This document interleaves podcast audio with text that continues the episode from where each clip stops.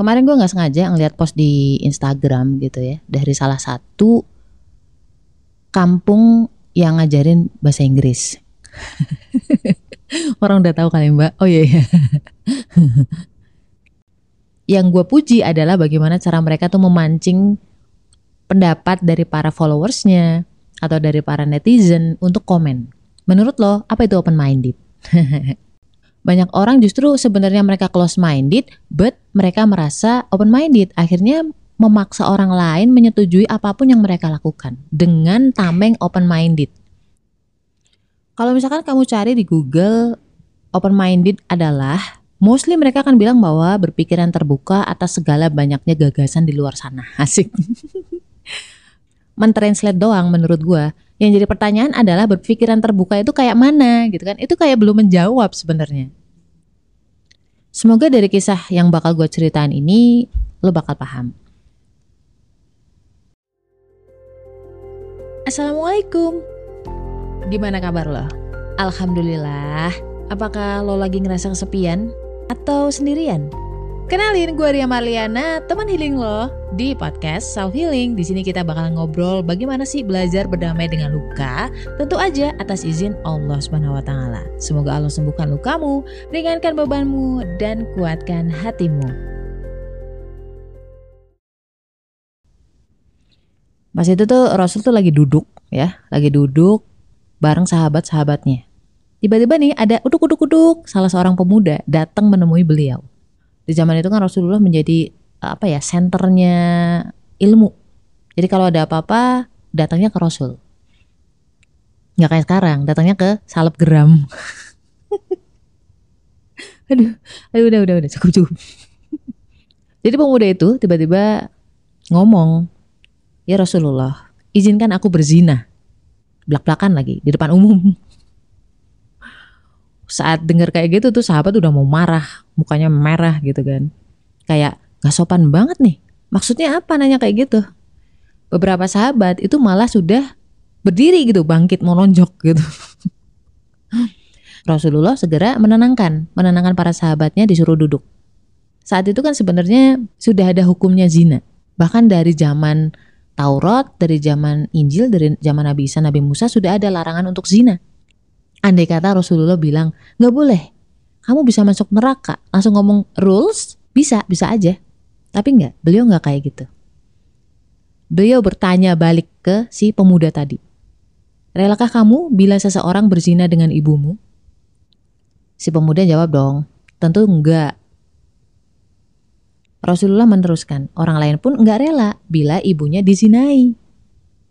Lalu Rasulullah tanya lagi, Relakah kamu bila seseorang berzina dengan putrimu? Tentu tidak ya Rasulullah. Orang lain pun tidak rela bila putrinya disinai. Begitu kata Rasul. Lalu Rasul nanya balik lagi. Relakah kamu bila seseorang berzina dengan saudari perempuanmu? Pemuda tadi jawab, tentu tidak ya Rasulullah. Orang lain pun tidak rela bila saudari perempuannya disinahi. Ucap Rasul. At the end Rasulullah mendoakan pemuda tersebut. Ya Allah ampunilah dosanya, bersihkanlah hatinya, dan jagalah kemaluannya. Itu ada di hadis riwayat Ahmad. Jadi kalau misalkan kamu perhatiin secara story, Mbak apa hubungannya sih Mbak sama open minded? Nah ini yang mau gue kasih tahu ke lo. Seenggaknya ada tiga kriteria orang yang open minded. Yang pertama adalah memahami pemahaman atau logika orang lain si pemuda itu pasti sudah tahu rulesnya, hukumnya untuk berzina. Kalau pemuda tadi belum tahu hukumnya, dia akan bertanya apa hukumnya berzina. Tapi karena pemuda tadi sudah tahu, yang dia omongin adalah izinkan saya berzina. Kata-kata izinkan saya berzina, itu Rasulullah paham, oh orang ini tuh meminta dibukakan logikanya, kenapa zina itu dilarang di Islam gitu. Dari situ aja kita paham bahwa Rasulullah tuh memahami kontekstual dari bahasa. Rasulullah sudah paham tentang logika berpikir dari si pemuda ini. Kriteria yang kedua ketika lu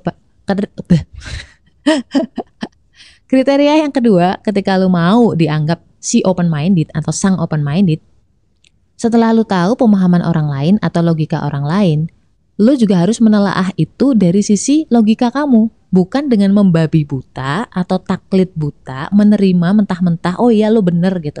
Enggak, tidak seperti itu. Kalau lo langsung menerima tanpa berpikir, apa bedanya kamu sama batu? Apa bedanya kamu sama panci? Masing-masing manusia itu dikasih akal oleh Allah Subhanahu wa taala. Biar apa? Biar bisa menelaah, biar bisa berpikir, oh bahwa pemahaman orang ini tuh ternyata tidak sesuai nih sama idealisme gue. Oh ternyata pemahaman orang ini tidak sesuai nih dengan Islam. Lalu kriteria yang ketiga adalah lu memahami bahwa logika atau pemahaman masing-masing orang itu tidak bisa langsung serta-merta dipaksakan. Tidak bisa serta-merta langsung dikasih dicekokin hukum. Ada orang-orang yang bisa langsung dikasih dalil karena mereka udah percaya. Tapi ada orang-orang yang mungkin imannya belum kuat, Islamnya belum kuat, atau bahkan belum menjadi Islam itu tidak bisa langsung dicekoki dalil. Kenapa? Karena mereka nggak percaya.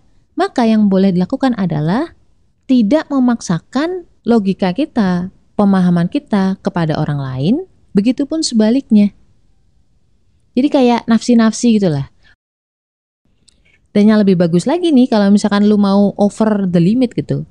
Lu lebih bagus dari open minded seperti Rasulullah mengajak si pemuda tadi berpikir dari sisi logika dia. Lu rela nggak kalau misalkan ibu lo disinahi? Lu rela nggak kalau misalkan putri lo disinahi? Lu rela nggak kalau misalkan saudara perempuan lo dizinahi?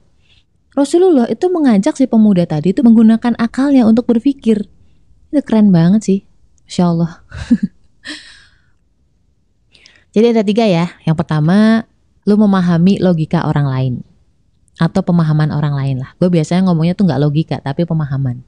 Lalu yang kedua, lo juga menelaah dengan akalmu sendiri tentang pemahaman tersebut.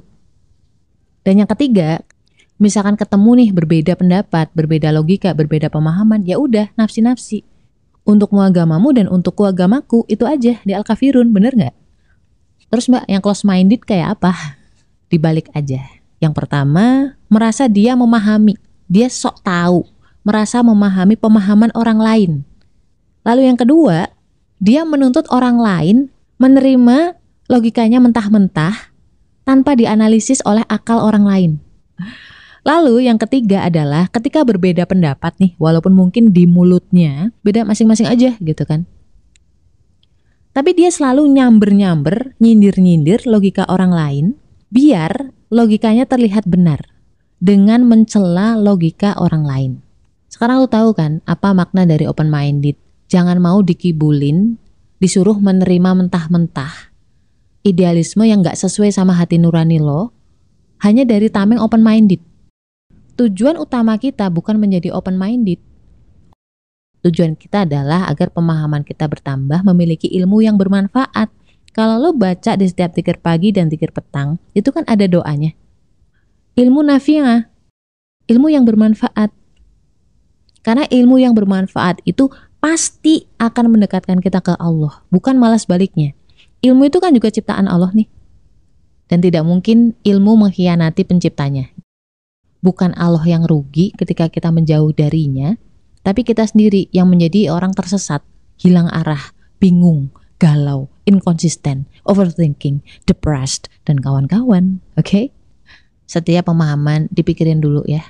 Ide atau opini orang lain ditelaah lagi, cari second opinion, langsung merujuk ke dasar teori yang utama, yaitu Al-Quran dan juga hadis. Tentu saja dari pemahaman para ulama ya. Jangan memahami sendiri. Berat, lu gak akan kuat, oke? Okay? La kalau wala quwata illa Stay love and assalamualaikum warahmatullahi wabarakatuh.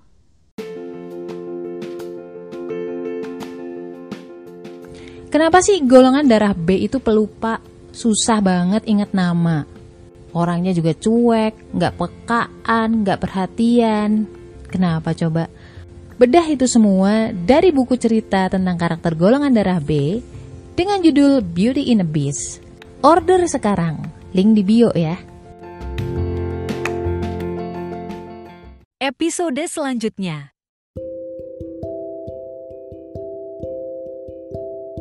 Gimana sih kak sikap yang sebaiknya kita lakukan kalau kita lagi dibully? Nah lu harus tahu kenapa orang sampai ngebully. Biasanya ketika kita udah berusaha baik, kita udah berusaha menjaga diri, kita berusaha berhati-hati tapi orangnya tetap ngebully,